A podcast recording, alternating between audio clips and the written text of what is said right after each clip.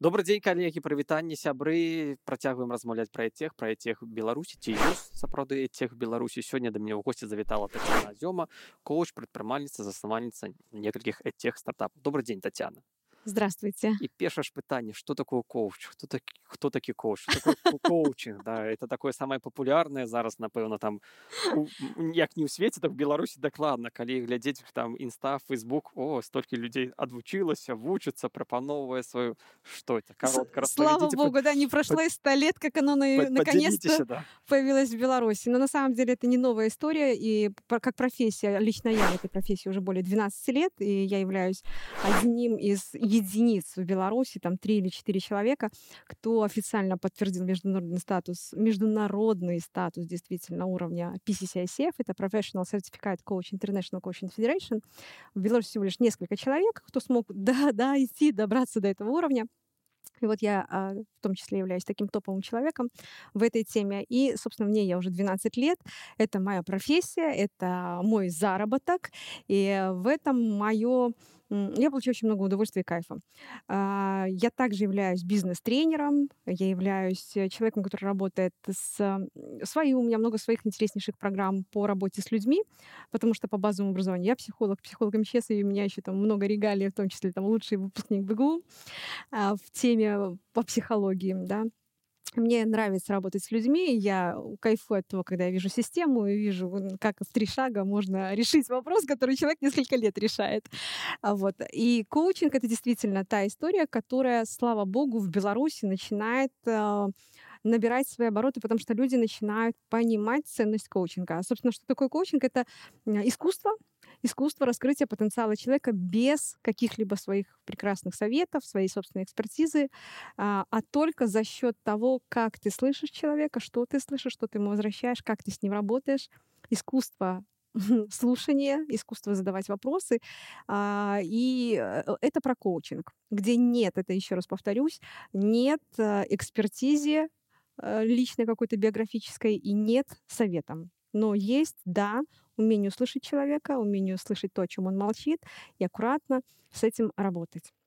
Коучинг это індывідуальна ці не абавязкова это можа быць камандная праца і як по вашаму досведу ваш ваших калег ваших выпускнікоў звяртаюцца больш індывідуальныя кліенты альбо корпоративный, такие, скажем, там, стартапы. Коучинг может быть индивидуальным, он может быть и командным, он может быть семейным. Семейный коучинг, кстати, приравнивают к командному, потому что там уже, там, где два человека, уже может быть команда шикарная. А я работаю и как индивидуальный коуч, шикарно работаю, я, мне нравится качество моей работы, и, конечно, как командный коуч. А если говорить про моих студентов, мои студенты немножечко боятся работать командно, потому что очень много моих студентов а, являются учителя обычной школы. Обычной школы. И это круто, когда в Беларуси, причем в Беларуси, а, в одно, я горжусь этим, потому что в Беларуси а, учителя в обычных школах а, ну, по, всему, по всему пространству СНГ у нас больше всего учителей, коучей, которые обладают компетенциями ICF. Такого больше потенциала, как драгоценностей нет ни в одной стране СНГ. И в этом а, прям вот уникальность белорусских учителей. Нас становится очень много, их порядка больше ста человек. Это круто. Это значит, что могут быть очень крутые изменения а, в подходе раскрытия потенциала детей и вообще в самом понимании, кто такой учитель для ученика. Если вернуться к вашему вопросу, то, слава богу, бизнес шикарен, а, потому что бизнес всегда нацелен на раскрытие потенциала человека, а на зарабатывание денег, и это правильный фокус такой, да. Но, слава богу, в последнее время бизнес очень хорошо понимает, что деньги делают люди, которые работают на том или ином рабочем месте исполнять те или иные обязанности. Можно вписать в трудовую или там в договор много чего, каких пунктов, но если нет внутренней мотивации, то человек найдет миллион прекрасных идеальных способов, как создавать видимость бурной деятельности, прекрасной работы, как говоришь, что это очень сложно, оттягивать эти сроки, создавать еще больше пред, э, такого хорошего представления. Да, да, это очень дорого стоит, надо еще больше. Ну, э, и компания, конечно, в этом не получает прибыль. Но для, того, чтобы была прибыль, нам нужны люди, которые хотят быть приверженными тому, что он, они делают. Э, они хотят кайфовать от того, что они делают. Им интересны задачи, и они понимают, что кроме того, что они, конечно же, работают не за аплодисменты и не за тугрики, они работают за деньги, за свои амбиции, за свои цели, достигает целей компании, не достигает своих собственных целей. И поэтому э, компании, которые это понимают, они э, приглашают коуча, меня непосредственно приглашают для того, чтобы создать такую команду, в которой мы можем все договориться и, и вот понять, признать, принять общую цель компании, понять, как моя собственная цель с этим сочетается, э, и тогда включается у человека нематериальная мотивация. Он готов туда идти, он готов осмеливаться на большее, он готов делать то, от чего он убегал, и говорил, о, не-не-не, что это неправильно. Он даже готов договариваться в тех моментах, в которых он был категоричен. А когда есть договоренности, когда есть э, вот эта ясность, тогда даже собственные компании, можно сказать, блин, энергия появилась у команды появилась энергия, мы начали двигаться, там скорость появилась, ясность появилась.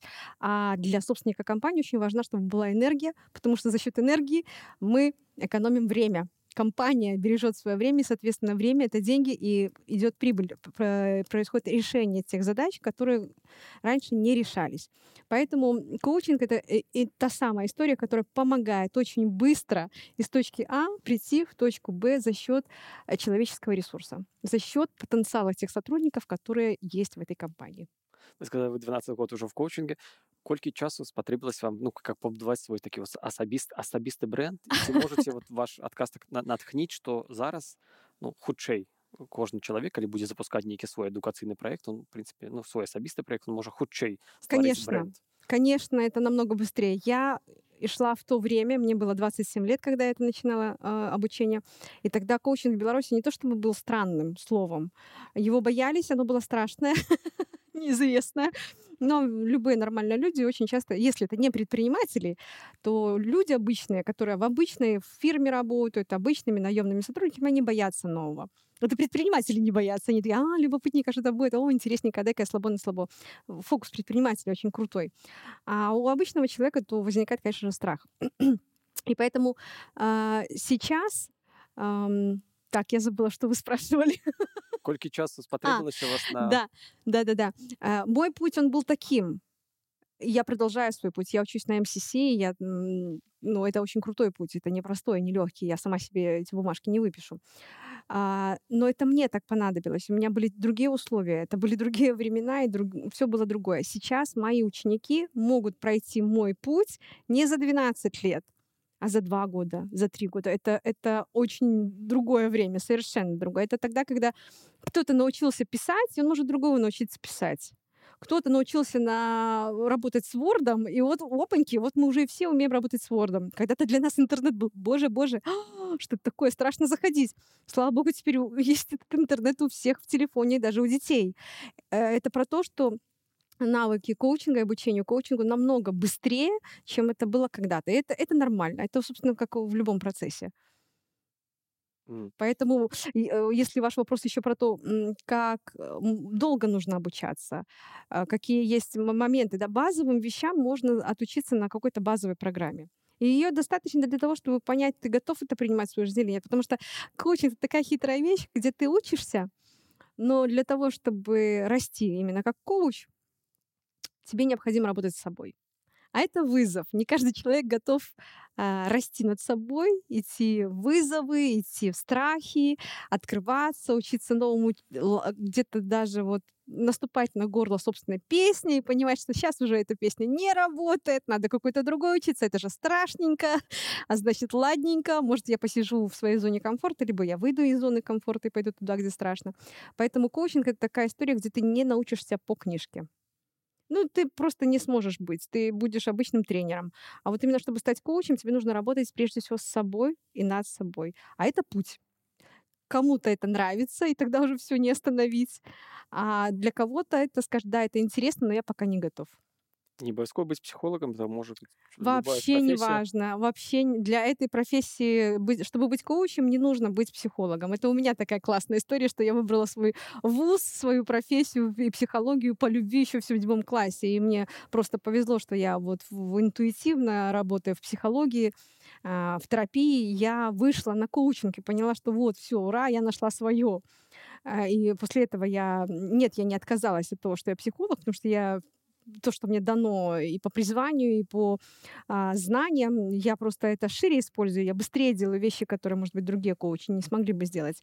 Но не нужны знания по психологии отдельные для того, вот специальные, чтобы стать коучем. Коучем может быть каждый человек, который начинает работать с собой, потому что работая с собой и э, обучение таким образом происходит, где есть работа в тройках, работа в парах, ты видишь, э, ты можешь быть в трех ролях одновременно, и учеником, и коучем, и наблюдателем, и ты начинаешь видеть процесс целостно изнутри, и ты начинаешь, понимая себя, ты начинаешь понимать другого человека, ты начинаешь понимать процесс. Ну, ты так вот и обучаешься этой психологии.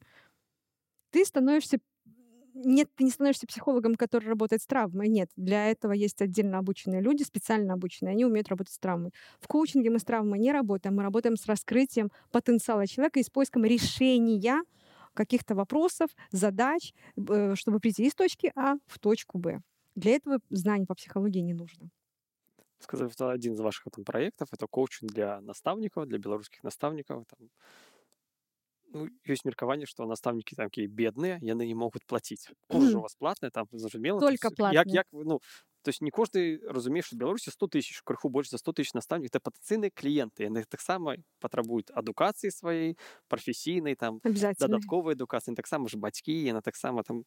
Да. Поделитесь, я, як что это за курс, как он называется, там, и Для как учителей... вы нашли этих наставников, в принципе, там. Для учителей у меня есть программа коучинг для учителей, есть целая серия линейка продуктов для учителей, которая помогает им расти, а, но расти не в их предметах, потому что в своих предметах они и так мастера, они прекрасны, они кролика э, со шляпы достанут, и у них еще и рояль в кустах стоит. Все, что вот они по своим предметам, да, они там мастера.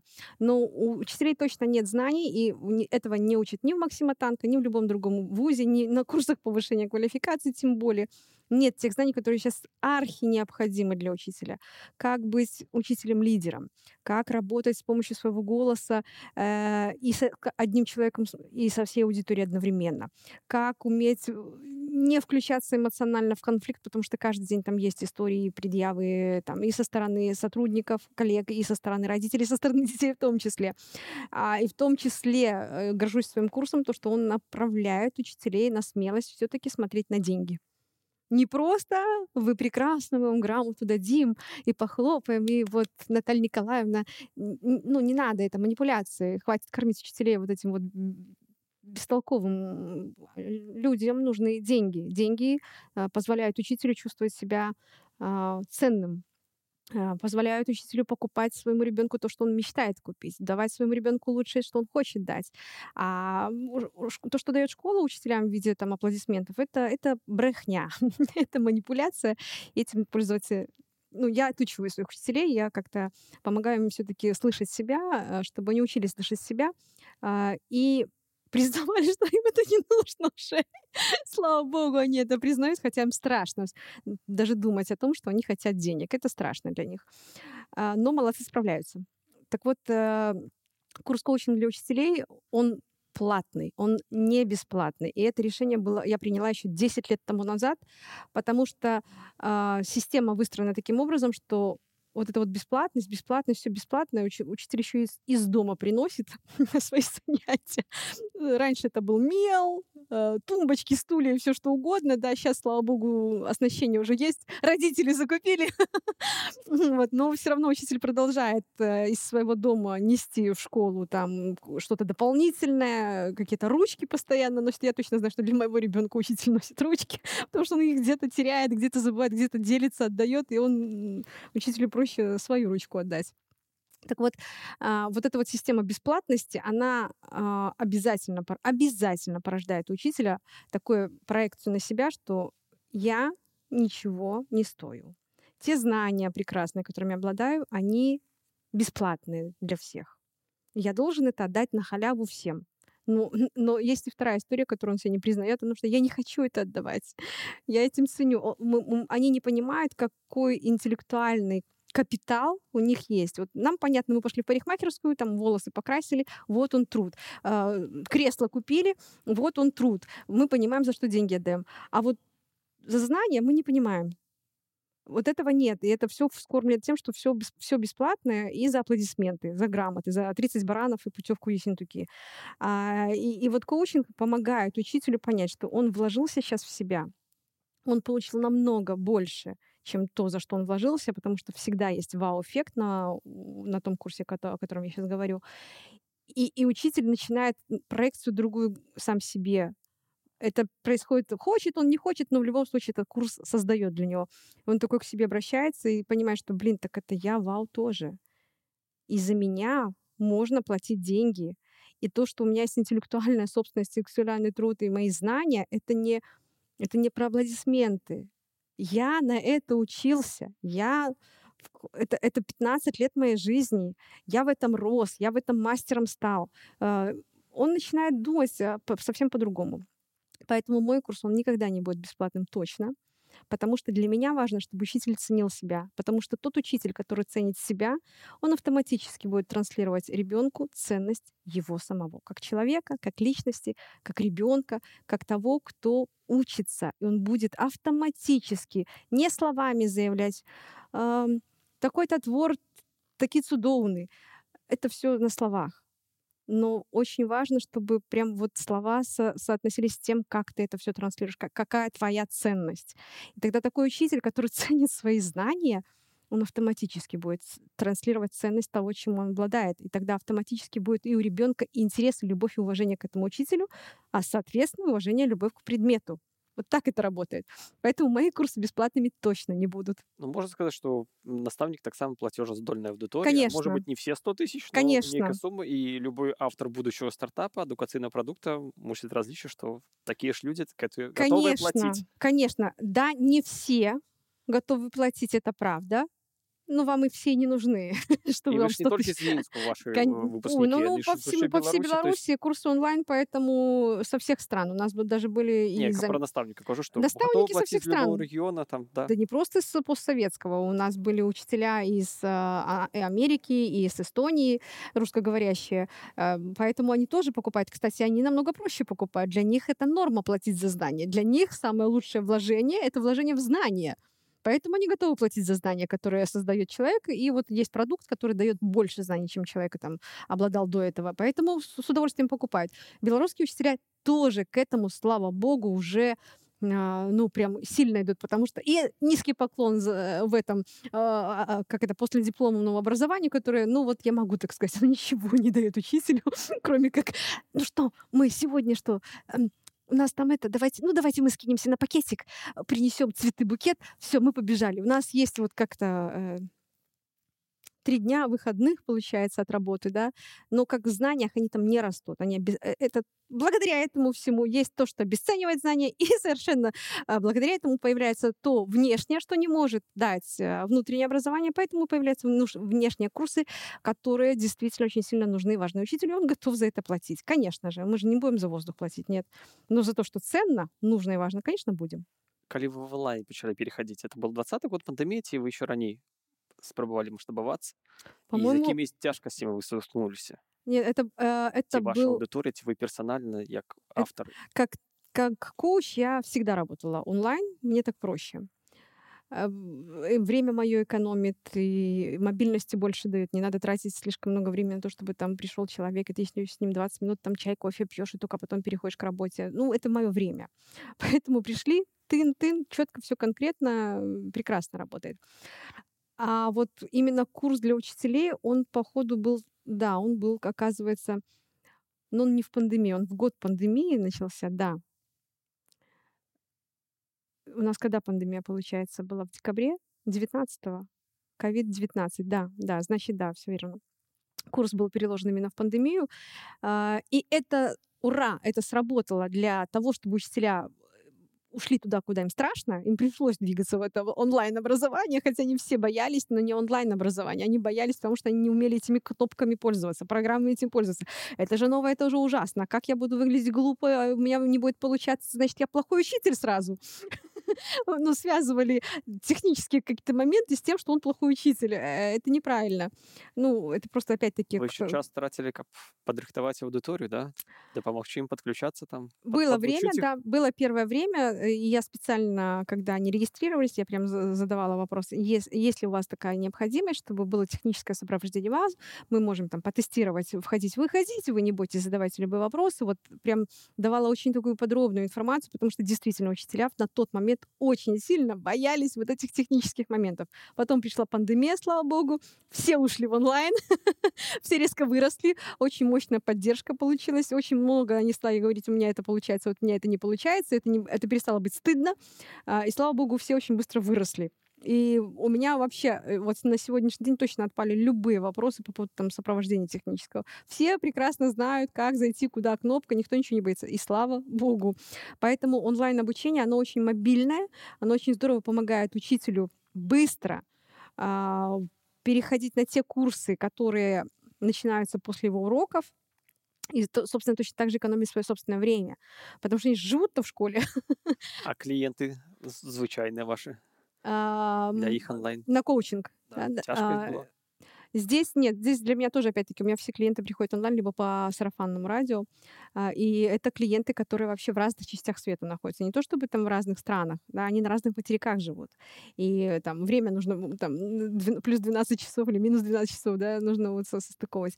И в этом помогает именно онлайн-история. Но сейчас весь мир ушел в онлайн и правильно сделал, потому что, ну, это, это экономит очень много кроме того, что это время экономит твое, собственно, но мне как предпринимательнице очень четко это помогает. Говорит, мне не надо арендовать это, мне не надо платить это, мне не надо в налогах указывать это, мне не надо а, при подаче декларации указывать. Ну, огромный, не надо там париться с бухгалтером, объяснять его или контролировать чего-то. Все настолько просто, фактически в три шага. Ну, вот я говорю про то образование, которое онлайн у меня, и мой вид деятельности помогает мне, да, осуществлять мою а, предпринимательскую деятельность. Вот, поэтому онлайн это вообще, ну, круто. Всегда круто.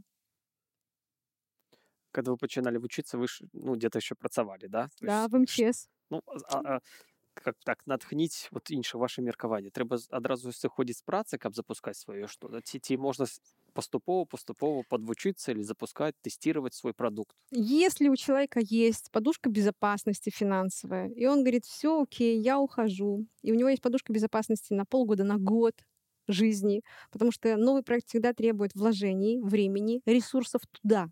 Ты сначала туда вкладываешь и только потом у тебя будет отдача. Если ты готов вот так вот, вот так вот, опа, поставить здесь точку и уйти туда, не вопрос, уходи. Но я бы себе той, которой была 27 лет тогда, я бы дала другой совет, я бы сказала, оставайся на работе, все-таки это источник твоих клиентов, это источник твоего имени, это источник твоих финансов, он постоянно ежемесячный. Ты знаешь, что в конце месяца ты получишь такую-то сумму, плюс-минус там 20-30 рублей, да? А все остальное ты можешь э, сделать так, что ты можешь распланировать свое время, как ты можешь внедрять этот проект, имея то время, которое у тебя есть. И это очень экологично, это очень понятно. Это э, не надо в стрессе находиться полгода и, и волосы рвать на голове, а где же мне взять деньги, чтобы покушать, а где мне взять деньги, чтобы заплатить за квартиру.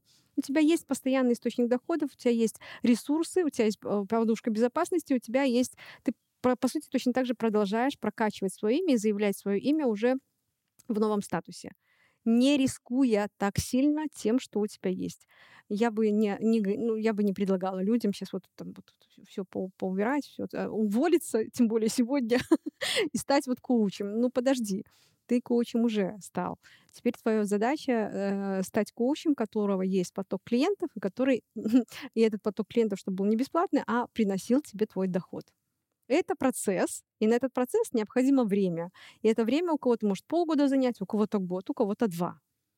Так, тому що падрыхтоўку был і пасля правядзення першага хакатона тех да то, то людзі там сутыкалася такое негатыўна што я што зараз мушу кідаць сваю працу там і цалкам працаваць ну калі можете да не так можаш паступова паступова рабіць рыхтавацца да сыходу са сваёй працы там і цалкам сыходзіць свой бізнес ці, ці можаш сыходзіць а можаш посмотреть, как твоя идея может стать партнером для того бизнеса и того места, где ты работаешь. Может быть, О, так вариант. может да. быть, ты там сможешь запартнериться и получить первый успех потому что тебя там знают, твое имя там знают, э, там уже есть связи, которые помогут тебе э, не в дружбе быть, но в партнерстве, где вы можете быть один... А, а, этот проект твой решает проблему того заведения, где ты, э, ну, где ты работаешь. И там, может быть, проще тебе будет продать, потому что твою идею нужно продавать. Чтобы внедрить твою идею, ее нужно продавать. Если у тебя есть навыки продавца-маркетолога, не вопрос. Но если их у тебя нет, тогда тебе нужно это делать немножко попроще, да, и это тоже время, которое требует научить эти навыки, научиться этим навыкам, оттренировать эти навыки и выйти в жизнь, чтобы эти навыки применять. Так э, в, в той корпорации или в той компании, где ты сейчас работаешь, на том рабочем месте, где ты сейчас находишься, тебя уже знают, тебе уже доверяют, и, возможно, твою идею проще купят. И, и, и, не, и даже если ты не обладаешь этим маркетингом, у тебя еще нет прекрасного сайта продающего, у тебя еще не выстроена там воронка продаж, у тебя еще всего этого нет. Но ты можешь вот, вот такими простыми шагами начать то, что тебе уже принесет э, первый реальный успех, который ты можешь положить потом себе на сайт и говорить где-то и заявлять об этом зачем отказываться от ресурсов? Внимательно относиться к своим так, ресурсам. Некоторые международные компании это, так и роблять, запускают внутренние такие акселераторы, внутренние лаборатории, дозволяют своим супрацовникам там э, реализовывать э, свои напрацовки, так, конечно. які після альбо компанії може купити, або просто допомогти, так, конечно, ты ком... не сошел с... Конечно, компании выгодно. Э, компании выгодно, они создают такую песочницу, где люди могут пробовать свои идеи, причем пробуют это со своей мотивацией, со своими какими-то ошибками. Они могут там ошибаться, они могут тут же все это исправлять, их не надо контролировать. А потом, когда этот продукт получается у кого-то, а, компания смотрит, о, так мы на этом можем заработать, давайте-ка мы купим вот эту крутую идею, все, она уже рабочая. Э, выигрывают все. Першы хакатон показаў было дастаткова шмат э, настаўнікаў выкладчыкаў якія запускалі і былі дастаткова годныя такія ідэі праекты з кім можна працаваць но на жаль там далей не кожны гатовы працягваць это ж это ж праца это пошук фінансавання альбо укладання свайго Ці вы бачыце патэнцыял вот как вы працуеце з настаўнікаў беларускіх адукатараў тренераў настаўнікаў выкладчиков потенциал в запуску в развитии своих каких-то коммерцийных проектов, продуктов? Ці Потенциал невероятный, идеи шикарнейшие. Но у 90% остановка происходит на этапе внедрения.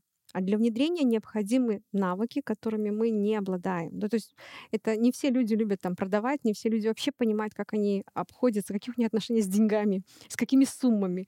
Тем более, если выкладчики так, э, там тысячу долларов заработал, ну а это вот прям космос. Тем более в своем любимом деле тебе сверху никто не капает, снизу никто не капает, тебя не клюкают, да, ты находишься, ты постоянно занимаешься тем, что тебе нравится это же вообще разрыв шаблонов в той, а, по сравнению с той средой, в которой они каждый день работают. И учителя, они очень сильно боятся самого слова деньги они боятся. А, да это вообще можно сказать и про белорусов в том числе. Если белорусы никогда не работали в такой сильной коммерческой организации, а там на госпредприятии работали, то одна и та же будет проблема. И э, э, идея будет шикарнейшая, и тогда человеку нужно либо искать продюсера, который может продвигать его идею, либо понимать, что да, идея шикарная, а дальше у меня еще один сложный этап на внедрении. А вот внедрение мне нужно, кроме моей иде- прекрасной идеи, мне нужны навыки вот эти, вот эти, вот эти, вот эти. А до этого я с этим никогда не сталкивался. Нет у меня этих навыков. Моя работа этого не требовала, мой образ жизни этого не требовал. Мне это не нужно было. Но если я выбираю свою идею, я хочу, чтобы она вот реализовалась такой, как я ее вижу, тогда ее нужно внедрять. А для этого нужно учиться, и для этого нужно а, следующие какие-то моменты в том числе обязательно психологическую историю прорабатывать с как у тебя отношения с деньгами. Что это такое? Ты на слове там тысячи долларов ты уже пугаешься, ну, это, конечно, твоя история никуда дальше тысячи долларов не пойдет либо ты говоришь, там, деньги это, это зло, это страшно, это, это взятка, ну, это же взятка. И только родители пускай собирают деньги. Но тут просто нужно менять свою установку, потому что то, как ты думаешь, будет э, реализовывать то, э, ту реальность, в которой ты будешь жить. Если ты думаешь так о деньгах, значит, ровно это в твоей жизни будет. Если ты думаешь про то, что деньги, блин, наконец-то, ура, это свобода, Деньги это, это счастье делать своему ребенку и дарить ребенку то, что я хочу подарить. Это счастье вообще кайфовать, носить хорошие вещи. Это другое качество уровня жизни. И ты понимаешь, что ты внутри это говоришь, у тебя не страх, там сердце прям трепещет и ужасно вслух сказать. А деньги это вообще, это взрослая история, это нормально. Взрослые люди умеют деньги. Нет денег только у, детей, а у взрослых у всех есть деньги. Я хочу повзрослеть тогда все, добро пожаловать во взрослую жизнь, добро пожаловать в то, что твой, у твоего проекта вот в этот момент точно появляется право на жизнь, право на то, что он будет реализован. Из идеи в конкретную, конкретный продукт, в конкретный результат. Поэтому, ну, вот э, здесь можно точно пользоваться услугами коуча.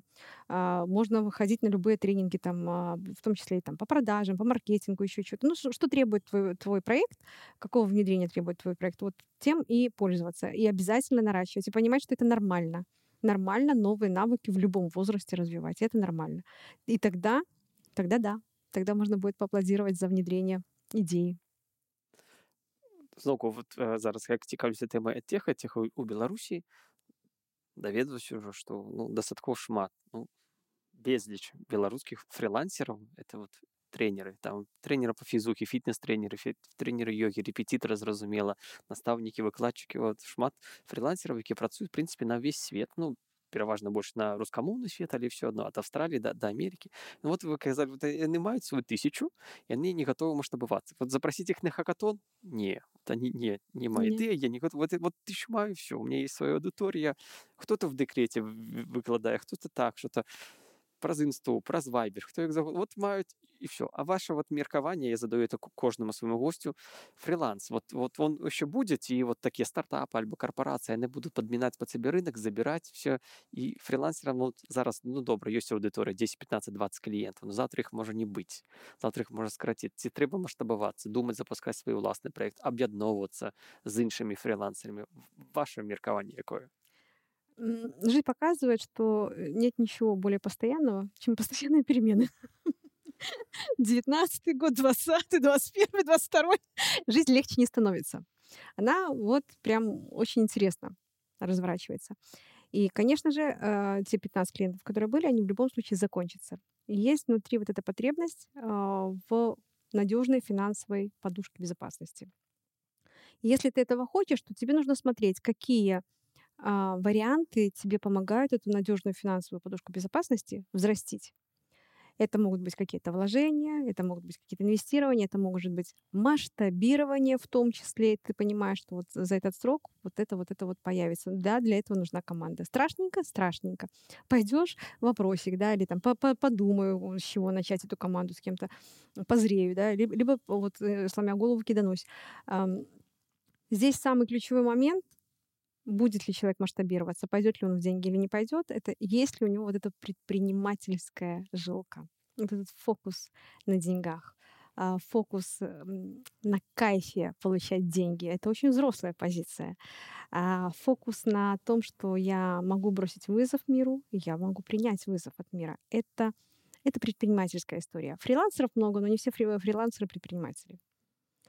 А поэтому если мы смотрим на вопрос, как масштабироваться, да, то тут вот просто разрешить себе вкус к деньгам. Разрешить себе вкус классной жизни. Потому что вот если это появится, тогда появится вот это вот желание «я хочу большего». Я хочу большего, а, а это желание всегда требует очень зрелой взрослой позиции. И тогда человек начинает внутренне расти, и тогда он начинает двигаться.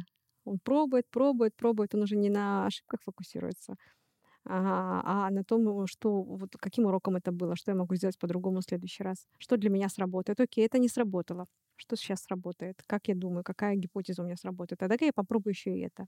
Он каждый раз двигается, двигается, и он тогда и растет. Он взращивает в себе вот этого предпринимателя. Это, это э, есть фриланс, а есть предприниматель. Это разные люди.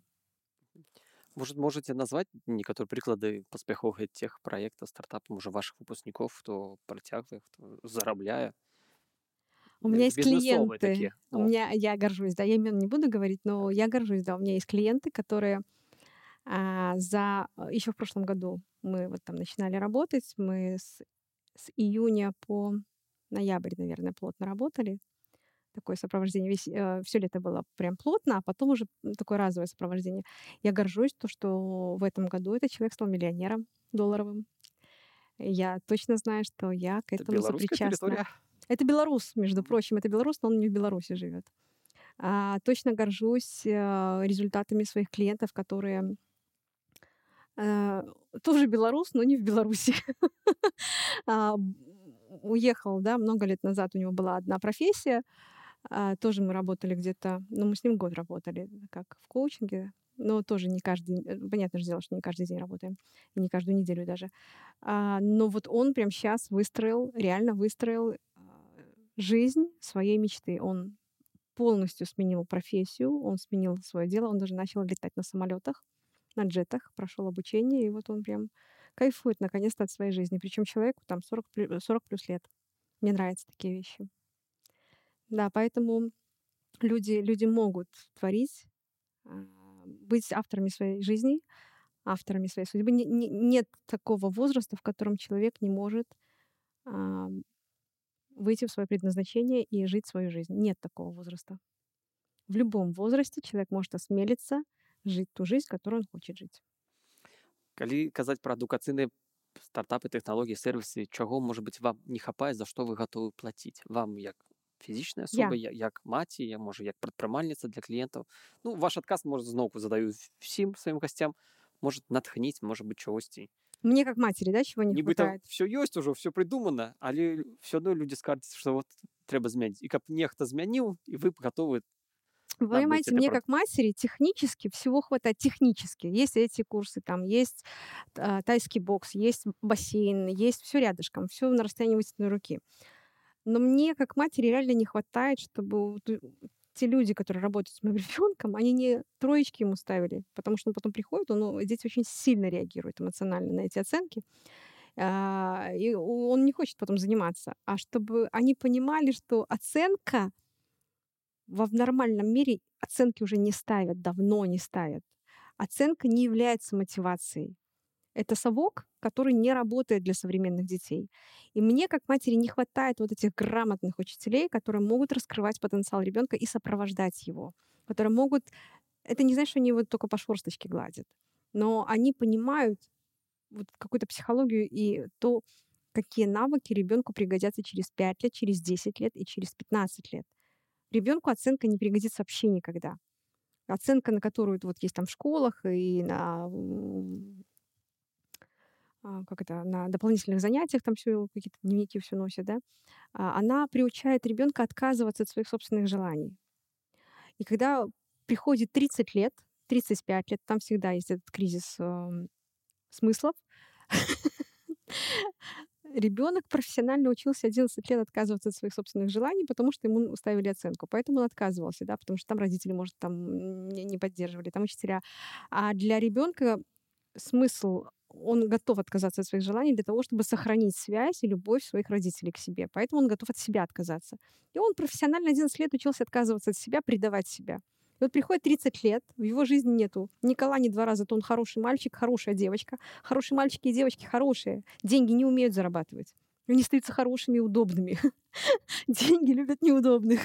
Деньги приходят к тем, кто умеет нарушать правила, создавать свои правила игры. Так вот, они потом сидят, лежат так вот подушка, лицом в подушку и думают про смыслы. А, а ровно потому, что 11 лет их учили отказываться от себя, предавать себя. Поэтому эти оценки ни к чему хорошему не приводят. Я понимаю, что у меня это мои клиенты, вот у меня всегда будут клиенты. У меня всегда точно будут клиенты, да, чтобы их вывести из такого состояния в жизнь нормальную, да, вернуть их себе себе. Вот. Но, тем не менее, мне как матери точно не хватает вот таких учителей, которые понимают, к чему что приводит, а к чему что нужно детям и потом взрослому человеку для жизни. Для него нужно что? Быть счастливым, уметь зарабатывать деньги и опираться на себя. Вот я бы хотела таких учителей вокруг своего ребенка.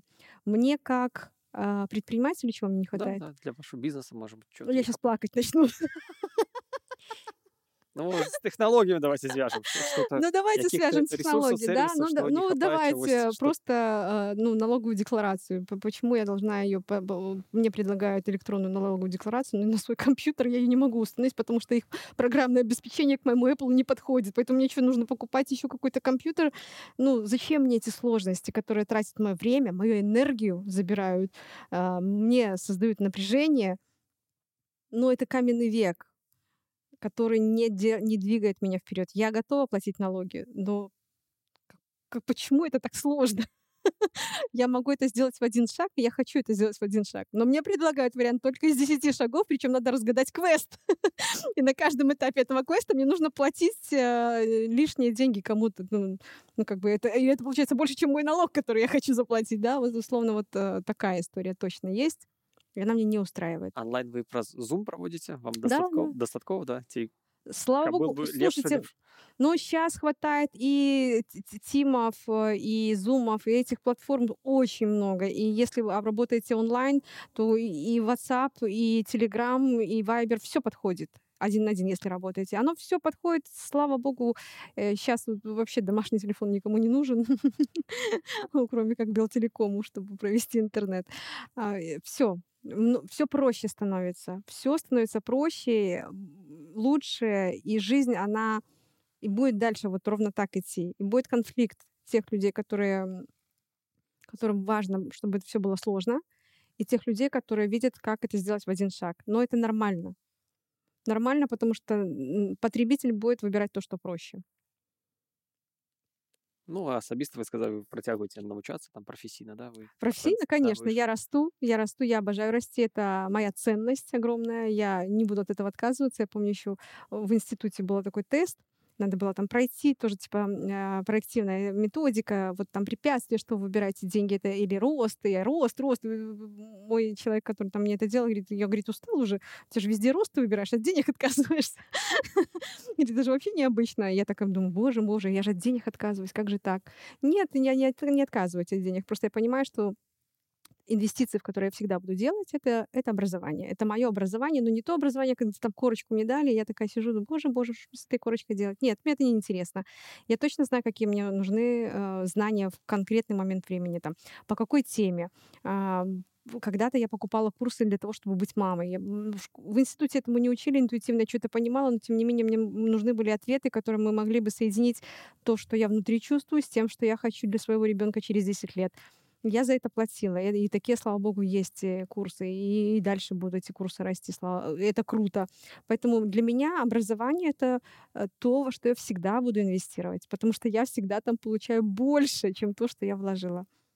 Я в свое образование я обучалась бесплатно в БГУ, э, и у меня стипендия была, и красный диплом, и повышенная эта стипендия, да. Но э, после БГУ я точно знаю, что я обучалась, и стоимость моего обучения, в которое я сама вложила, единственный раз, когда меня обучили, это я случайно попала на тренинг, вот, э, меня там, за меня заплатила компания, а все остальное я сама себе оплачивала. Так я точно знаю, что я вложила стоимость квартиры в свое образование, но она мне окупилась.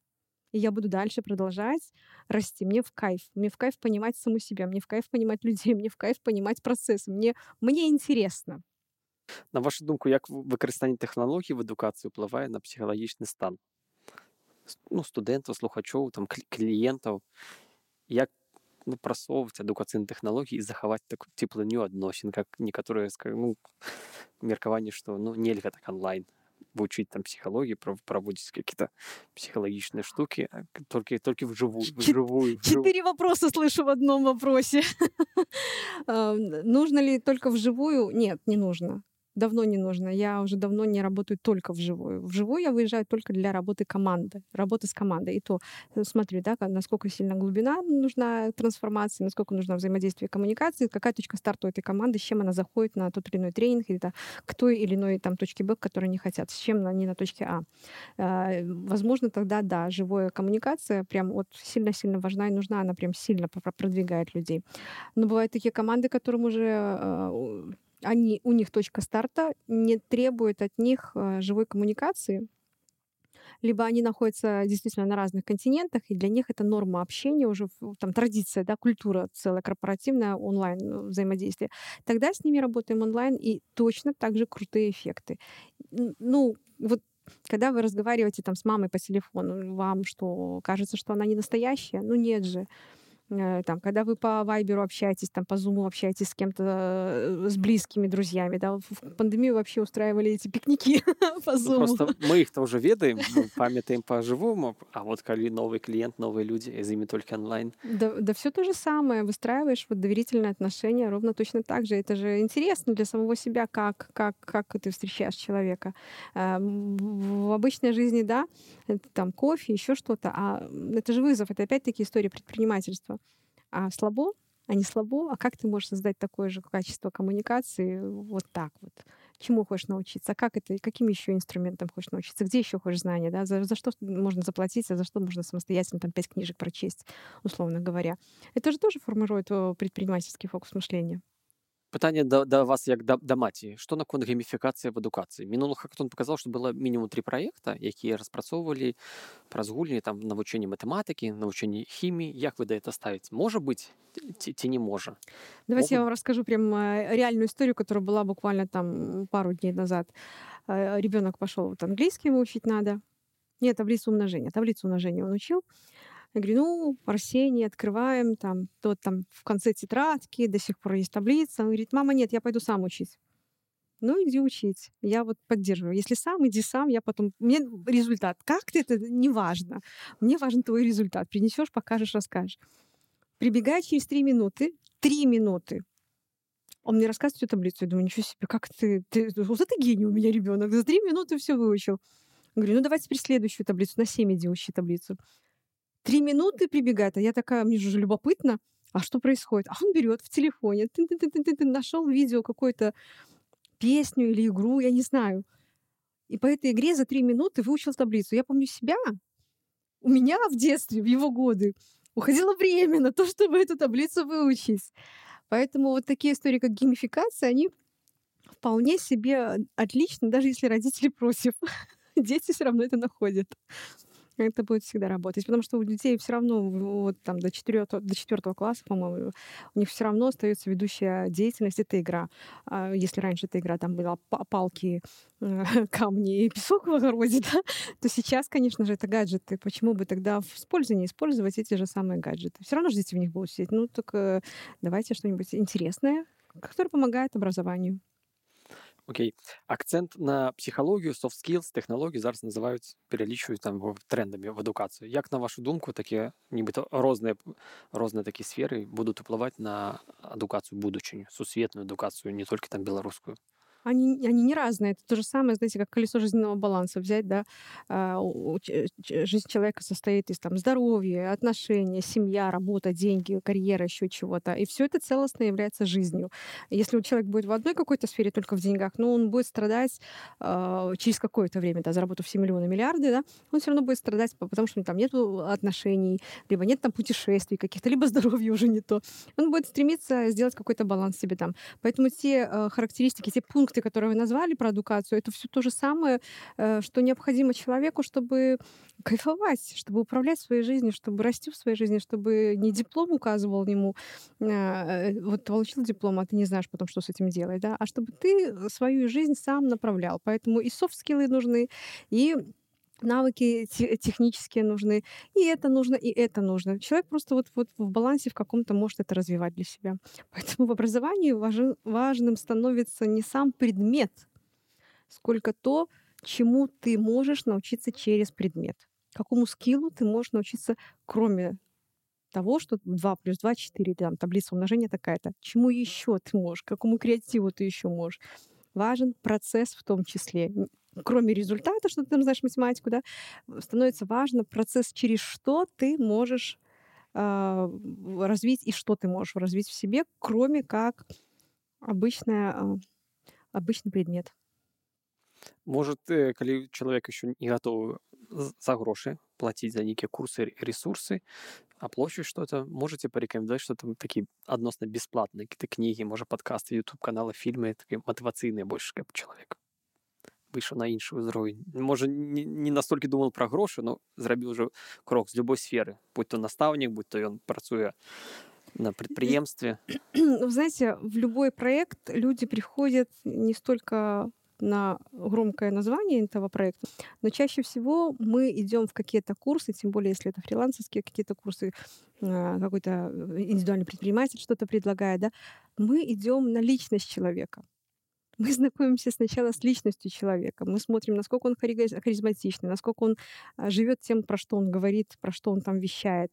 И только потом мы покупаем его курс. Поэтому любой курс, любое дело, которое вы хотите, в чем-то хотите вырастить, вы все равно придете на человека. Даже тогда, когда вам порекомендуют какую-то программу, вы пойдете там в YouTube, в Instagram, еще куда-то, а, вы пойдете и будете смотреть на того, кто об этом говорит. И потом уже э, как-то вот ориентироваться, подходит вам это или не подходит, какие там посты написаны, что там заявлено. И потом уже принимаете решение. Поэтому а, что здесь можно порекомендовать? Вот просто идите, вот вам нужны какие-то курсы, вы можете взять пять книг, это вообще бесплатно фактически. Да? Купить пять книг по теме, прочитать пять книг, и, в этой, и через пять книг вы можете стать и знать больше, чем любой другой человек в этой теме. Это тоже работает. Вообще получается, ну, за копейки. Но если вы ищете прям курс, я вот очень люблю у экспертов учиться, очень люблю. Я смотрю, что это за эксперт, а, насколько он э, то, что он мне предлагает, насколько сам этим живет. И потом покупаю у него программу. И, и, и вот, вот, слава богу, вот таких классных экспертов уже много. Главное найти своего, как говорится. Коучей много, найдите своего. Психологов много, найдите своего. С одним не срослось, с другим точно срастется. Поэтому э, нет у вас там навыков по продажам, посмотрите, что предлагают по продажам. Вот то, куда откликается, туда идите. Все равно вы идете на человека. Не хватает ораторского мастерства, огромное количество этих ресурсов, огромное количество э, и в Инстаграме, и в интернете, и в Фейсбуке, везде, в Ютубе много. Вы просто смотрите, где вам откликается, что вам нравится. Вы, скорее всего, еще и отзывы посмотрите, если они настоящие. Это, ну, примите какое-то свое решение и идете учиться. Поэтому что какой-то один единственный верный, я бы, наверное, не говорила об этом, потому что верных много. Угу. Нужно найти свое, которое вам лично откликается. В этом вы точно вырастете. А ваше стаўленне да, да замежных моў ці трэба ці варта вучыць вот, любому адукатару хто хто будзе ствараць запускаць глобальныя праекты ці можна ограничиться абмежавацца это рускамоўным светом и, и тут вялікі рынок можно зараблять цель всегда же смотреть на свою собственную цель какая твоя цель чего ты хочешь для себя если ты хочешь работать с э, русскомовными окей тогда ты смотри вот свои цели. Если ты в планах у тебя переезжать куда-то, расширяться, выходить на другое мировоззрение, тогда, конечно же, нужно учить язык либо ты смотри для себя лично. Для себя лично вообще интересно. Мне очень нравится э, изучать языки. Я с огромным удовольствием их изучаю. Сейчас вот польский слушаю. Мне кажется, вообще прикольный язык. Хотя в эту сторону вообще никогда не смотрела. Но любое изучение любого языка, оно же дает не просто там лексику, расширение лексики, расширение. Нет, вы начинаете понимать в какой-то момент, как думает человек, который говорит на этом языке. Вы начинаете понимать фишки. И, соответственно, с этим вы можете предлагать свой продукт под эти фишки. Это очень интересно. Поэтому ну, конечно же, выбор всегда. Хочешь учи, хочешь не учи. Какие твои цели? Какие твои цели как предпринимателя, какие твои цели как человека, как личности для самого себя? Насколько это помогает тебе быть счастливым и получать те цели, те доходы, которые ты хочешь? По выніку першага хакатона да, зноўку повторюсь, что были идеи, были в принципе дастаткова добрыя ідэі якія могуць прыносіць і карысць і на якіх можна зарабляць але чамусьці ну, далей ну, не рухаецца Што на вашу думку якого меркавання чаго не хапае прадпрымальнікі такі аўтарам ідэй чаму они далей не прасоўваюць тым ліку там мы былі і настаўнікі выкладчыкі и не только люди іншых профессий что чего если мы посмотрим немножко шире чем просто наставник э, или выкладчик то вообще у всех людей одинаковые страхи вообще абсолютно одинаковые в том числе есть страх э, вдохновиться какой-то идеей. Тем более сейчас э, environment, вот это окружение, да, история, которая есть в мире, она очень сильно ограничивает людей в смелости мечтать, в смелости хотеть. Потому что страшно, страшно жить. Поэтому идеи все э, страшноватенько, да, непонятно, будущим не можешь управлять, поэтому и мечтать страшно, да. Раньше как-то там на э, неделю-две максимум планы были, сейчас, слава богу, уже есть вот эта вот история, мы научились жить в этой ситуации, мы можем цели ставить и на полгода, и на год, и даже на пять. Слава богу, осмеливаемся, да. Так вот, э, это в том числе один из страхов, страх мечтать. Поэтому к вам приходят, слава богу, люди, которые хотят осмелиться мечтать, либо уже осмелились мечтать, и они замахиваются на какую-то мечту. Тем самым они преодолевают вот такой страх мечтать, страх чего-то хотеть. А, конечно же, после страха мечтать всегда идет страх действовать, страх внедрять. И здесь, может быть, страхи обычные, такие технического характера. У меня нет этих навыков, у меня не хватает этого, у меня не хватает этого. А могут быть психологические страхи сам себе придумывает человек, потому что 90% страхов, которые у него в голове, они не реализовываются. Даже 99 этих страхов, они не реализовываются. Вот, и потом он сидит и сожалеет, а почему же я не сделала это, почему же я... море сожаления появляется. Так вот, а, чтобы преодолеть этот страх, можно просто посмотреть, а что у меня уже есть. Что, если у меня есть все, чтобы сделать следующий шаг, чтобы пойти и начинать внедрять? Что, если я действительно обладаю, если ко мне пришла идея, что если у меня, э, значит, у меня достаточно ресурсов для того, чтобы эту идею внедрить. Если не я, то кто? И когда человек начинает таким образом на себя смотреть, у него, конечно же, каким-то там образом а, так мозг э, устроен, что он начинает, слава богу, а, осмеливаться а, и видеть шаги, которые он может сделать самостоятельно. И туда действительно не нужно, там вот, э, чтобы летать бизнес-классом, нужно купить свой частный самолет. Он тебе нафиг не нужен на самом деле. Ни по деньгам, ни по... Если ты предприниматель, и ты умеешь считать, ты поймешь, что ну, тебе содержание этого самолета обойдется там в сотни раз дороже, чем просто полетать э, бизнес-джетом. И он начинает думать, этот человек, и получается, что для того, чтобы внедрить свои шаги, тебе не нужно то колоссальное количество денег, которое ты сам себе придумал из страха, или потому что там у других было, да, а своего опыта нет. И получается, что если человек преодолевает этот страх, а преодолеть он может, а что если у меня есть все ресурсы для этого, что если я действительно в правильном месте, я могу это все внедрить, он идет дальше. И дальше у него следующий страх возникает всегда. А, он называется страх системы, когда ой-ой-ой, не в этой стране, все было бы чудовно, но не в этой школе, а я бы все сделала, то вот не с этими соседями, а у меня была бы счастливая семья, но не с этим мужем, и вообще у меня были бы гениальные дети, но не с этим моим ребенком. Все бы было хорошо, если бы вот не они, которые меня тут окружают. Это такой страх. Страх, который выдумывает мозг для того, чтобы ограничить, потому что дальше ну, так проще. Так проще быть э, в зоне комфорта, так проще себя пожалеть, так проще, наверное, от чего-то отказаться. А страх называется страх приверженности. А, привержен ли ты своим идеям, привержен ли ты своим ценностям? Это такая классная, такой хороший вызов для мозга, чтобы проверить, ты что выбираешь. Выбираешь ты следовать своей мечте, либо ты выбираешь предавать себя. Выбираешь ли ты, несмотря ни на что, найти решение, и вырасти, двинуться дальше, либо ты выбираешь отказаться и жить своей обычной жизнью, и тогда, ну, имеешь то, что имеешь. Если человек начинает понимать о том, что, окей, что если это та самая система, где я могу и должен, и могу прокачать те навыки, которых у меня сейчас нет, я все равно попаду в ту же систему. Если любой проект, который я возьму, я приду ровно к этому же страху, только с другим проектом. И у меня опять станет тот же самый вызов, там, научиться быть взрослым даже тогда, когда, э, ну, там, научиться быть мамой, даже тогда, когда ребенок, ну, не хочет вот так вот он учиться, он заявляет вот так свои ценности, сейчас дети другие. Что, и, и поэтому там первый, второй, третий, пятый, десятый ребенок, неважно, они все будут транслировать одно и то же, они будут с чем-то не соглашаться. Что если мне пришли те самые дети, чтобы я научилась выбирать себя, э, слышать свои хочу, уважать свои хочу, соответственно, я автоматом буду уважать э, хочу своего ребенка и вообще и, и, и партнера своего, и людей, которые ко мне приходят. Что если это те самые дети, с которыми именно я могу вот научиться вот этому? Если человек понимает это, он начинает вот такими категориями мыслить, значит, он в любой системе начинает выстраивать следующий этап внедрения своего проекта. Он остается приверженным своей идее, себе. И страх — начинает каким-то образом уходить. Ну, это мозг так работает. И есть самый крутой страх, один из самых крутых страхов, которые прям вообще люди в бизнесе очень сильно очень сильно им болеют, а, и там называется там э, прокрастинация его называют, э, называют его там вот, э, что же я не завершаю, я вот не умею завершать проекты. Все очень просто.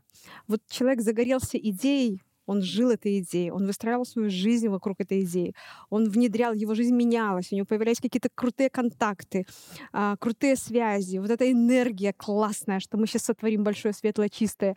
И, а, и вот он там в ценностях рос, и вот прям вот оно все такое, а, жизнь его просто-напросто менялась от одной а, идеи, которую когда-то загорелся. И вот тут вот в полметре до финала, до вот этой ленточки финишной, чтобы стать победителем, он останавливается, он начинает сам тормозить какие-то процессы, сам начинает от чего-то убегать, ровно потому, что мозг э, говорит о том, что ого, вот сейчас ты достигнешь этого, а какие дальше в твоей жизни смыслы будут? А где же ты еще такую возьмешь? Вот жизнь-то прошла, вот теперь вот такого классного, как было, у тебя не получится. А где же вот это вот взять? И, он, и мозг пытается уцепиться за то, что вот было там классное. И от этого он отталкивает вот приближение вот этого финала, который должен произойти. И, и здесь просто нужно человеку научиться задавать себе такие вопросы, как, окей, кто я тогда, когда я достигну этой цели? Что тогда большего появится в моей жизни, когда я достигну вот этой своей финальной классной истории, где я уже с ленточкой, где с медалем, с вымпелом, что еще большего появится в моей жизни, какие новые горизонты, чего я тогда буду хотеть, когда у меня вот, если у меня это получилось, и мне кажется, что же еще большего хочу или о чем еще больше можно мечтать. Вот если у меня это получилось, тогда чего я на самом деле еще большего хочу осмелиться, на что я могу осмелиться, куда я могу двинуться дальше. И у него появляется вот тот огромный смысл, которому он уделял столько времени в процессе реализации своего дела, своей идеи, внедрения своей идеи в проект уже реальный работающий появляется следующий большой смысл. Вот то следующее предпринимательское «Вау, хочу!» Вау, горю, блин, быстрее бы это завершить и туда двинуться дальше. И тогда появляется энергия завершать. Не страх и прокрастинация, а именно ты идешь и делаешь следующее, следующее. И это очень классно. Вот, наверное, вот такие страхи есть у людей. прынята лічыць што в Амерыкі сярэдні ўзрост калі чалавек запускае свой бізнес нейкі стартап это прыклада там 40 год а у нас прыклада лічыць што наадварот моладзь запускае свой нейкі бізнес ці вы можете пагадзіцца што нашы людзі как-то ну не такія рызыкоўна ці ім ва ўзросце перашкаджальнікі баласт там сям'я там кредиты еще что-то запускаць вот э, ваши выпускнікі удзельнікі это эдукоучинга яны сярэдні ўзрост які там ці можете вы сярод сваіх кліентаў з бізнеса ну любых там узгадаць не называючы які людзі якія там ну пасля 40 или пасля 50 пачыналі змянілі сваё сваё жыццё что это нармалёва і паспяхова жывуць працуюць я у меня нету статистики про Америку и про Беларусь, не знаю, я вот просто буду опираться на ваши слова и буду предполагать, что и как. В возрасте 40 лет особенно мужчины, особенно которые, те же, э, которые жили в той советской школе, где учили по 11 лет отказываться от своих желаний, ты жил не свою собственную жизнь. И когда тебе 40 лет, ты понимаешь, что блин, кто ты и что ты, что у тебя есть, и твои мечты не сбылись. И ты, по сути, профукал свою жизнь, а для мужчины и для женщины это крайне важно вот чувствовать, что я хозяин своей жизни, я хозяйка своей жизни, я живу то, что я хочу жить, я создала. А если тем более у человека там эго и амбиции крутые. Эго — это неплохо. Это амбиции, но важно, чтобы это реализовывались, эти амбиции, через действия. Так вот, в 40 лет человек становится такой у разбитого корыта, так смотрит, моя ли это жизнь? Тот ли я человек? Что я хочу? Нет, ты, ты становишься перед лицом фактов о своей собственной жизни. И тогда у тебя есть шанс. Либо ты... Очень классная история про мужчин, да, когда становишься злишься, да пошло оно, ты перестаешь быть хорошим мальчиком, ты перестаешь быть хорошим удобным соседом, э, удобным партнером, да, ты начинаешь, ты, ты через злость, мужчина через злость может осмелиться двинуться туда, где было страшно, где ему говорили, как хорошо, как плохо. И тогда, конечно же, это огромная энергия запуска к своей собственной жизни, к своей мечте. Круто. Ну, ты уже перестаешь бояться, уже достали уже бояться. Уже сколько можно бояться? Все, ты уже в 11 классе ты уже не боишься старшеклассников, их и нет. Ты идешь уже и делаешь. Вот то же самое, вот 40 э, лет, 50 лет. У тебя есть жизненный опыт тех провалов, которые у тебя были, тех неудач, которые у тебя были. Они на самом деле, если у тебя хватает смелости на это посмотреть, ты понимаешь, что это не неудачи, а это твой жизненный опыт, который тебе говорил, блин, да сколько же ты можешь соглашаться со всеми, сколько же ты можешь там всем говорить, да, когда важно сказать нет, мне так не подходит, я хочу другого, я стою дороже. Это, это вам кажется, что моя мечта это что-то странное, а я верю в свою. Это тогда, когда ты перестаешь там искать внешнюю веру и начинаешь верить в себя, и осмеливаешься, и идешь, и воплощаешь, и тебе по барабану, кто там что подумал, сказал, записал, да чхать. Чхать, потому что мне моя жизнь становится важнее. Если я это не сделаю, я себя уважать не буду. Я, я с собой не договорюсь. Я не хочу сожалеть в 55, в 56 жизнь проходит, блин. Ты начинаешь реально понимать, что не вернется жизнь обратно. Это в 20 лет тебе кажется море по колено, я еще все успею, херня. Нет, не вернется. Не по колено. Ты хочешь реализовать то, что ты, ты чувствуешь, что ты пришел для чего-то важного в эту жизнь, и тебе важно это сделать. Тем более это важно. Тем более, ну, деньги это в кайфе всегда. Если говорить про молодой возраст, который есть в Беларуси, допустим, да, а, то я предполагаю, что здесь, а, наоборот, вот та история, это люди не те, которые учились там уже, уже да, они учились в этих советских школах, но уже была возможность ездить за кордон опыляться чем-то другим, видеть мир по-другому, видеть, что жвачка турбо и там эти э, вкладыши, которые там не надо их собирать, ты в школу с пакетом ты ходил гордо, это тоже не та история. Там уже давным-давно в другую сторону все смотрят, да. Ну, ты опыляешься чем-то другим, ты понимаешь, вау, мир другой, Мир не такой, как тебе говорит семья, как тебе говорит школа. Э, он, он другой. Э, сейчас можно и путешествовать, и на самолетах летать, и интернет, слава богу, есть. И благодаря, кстати, интернету очень сильно идет расширение картины мира. Ты э, выстраиваешь коммуникации, ты можешь учиться у других людей, осмеливаться на то, они осмелились, значит, я могу осмелиться. У тебя начинают рождаться вот какие-то идеи.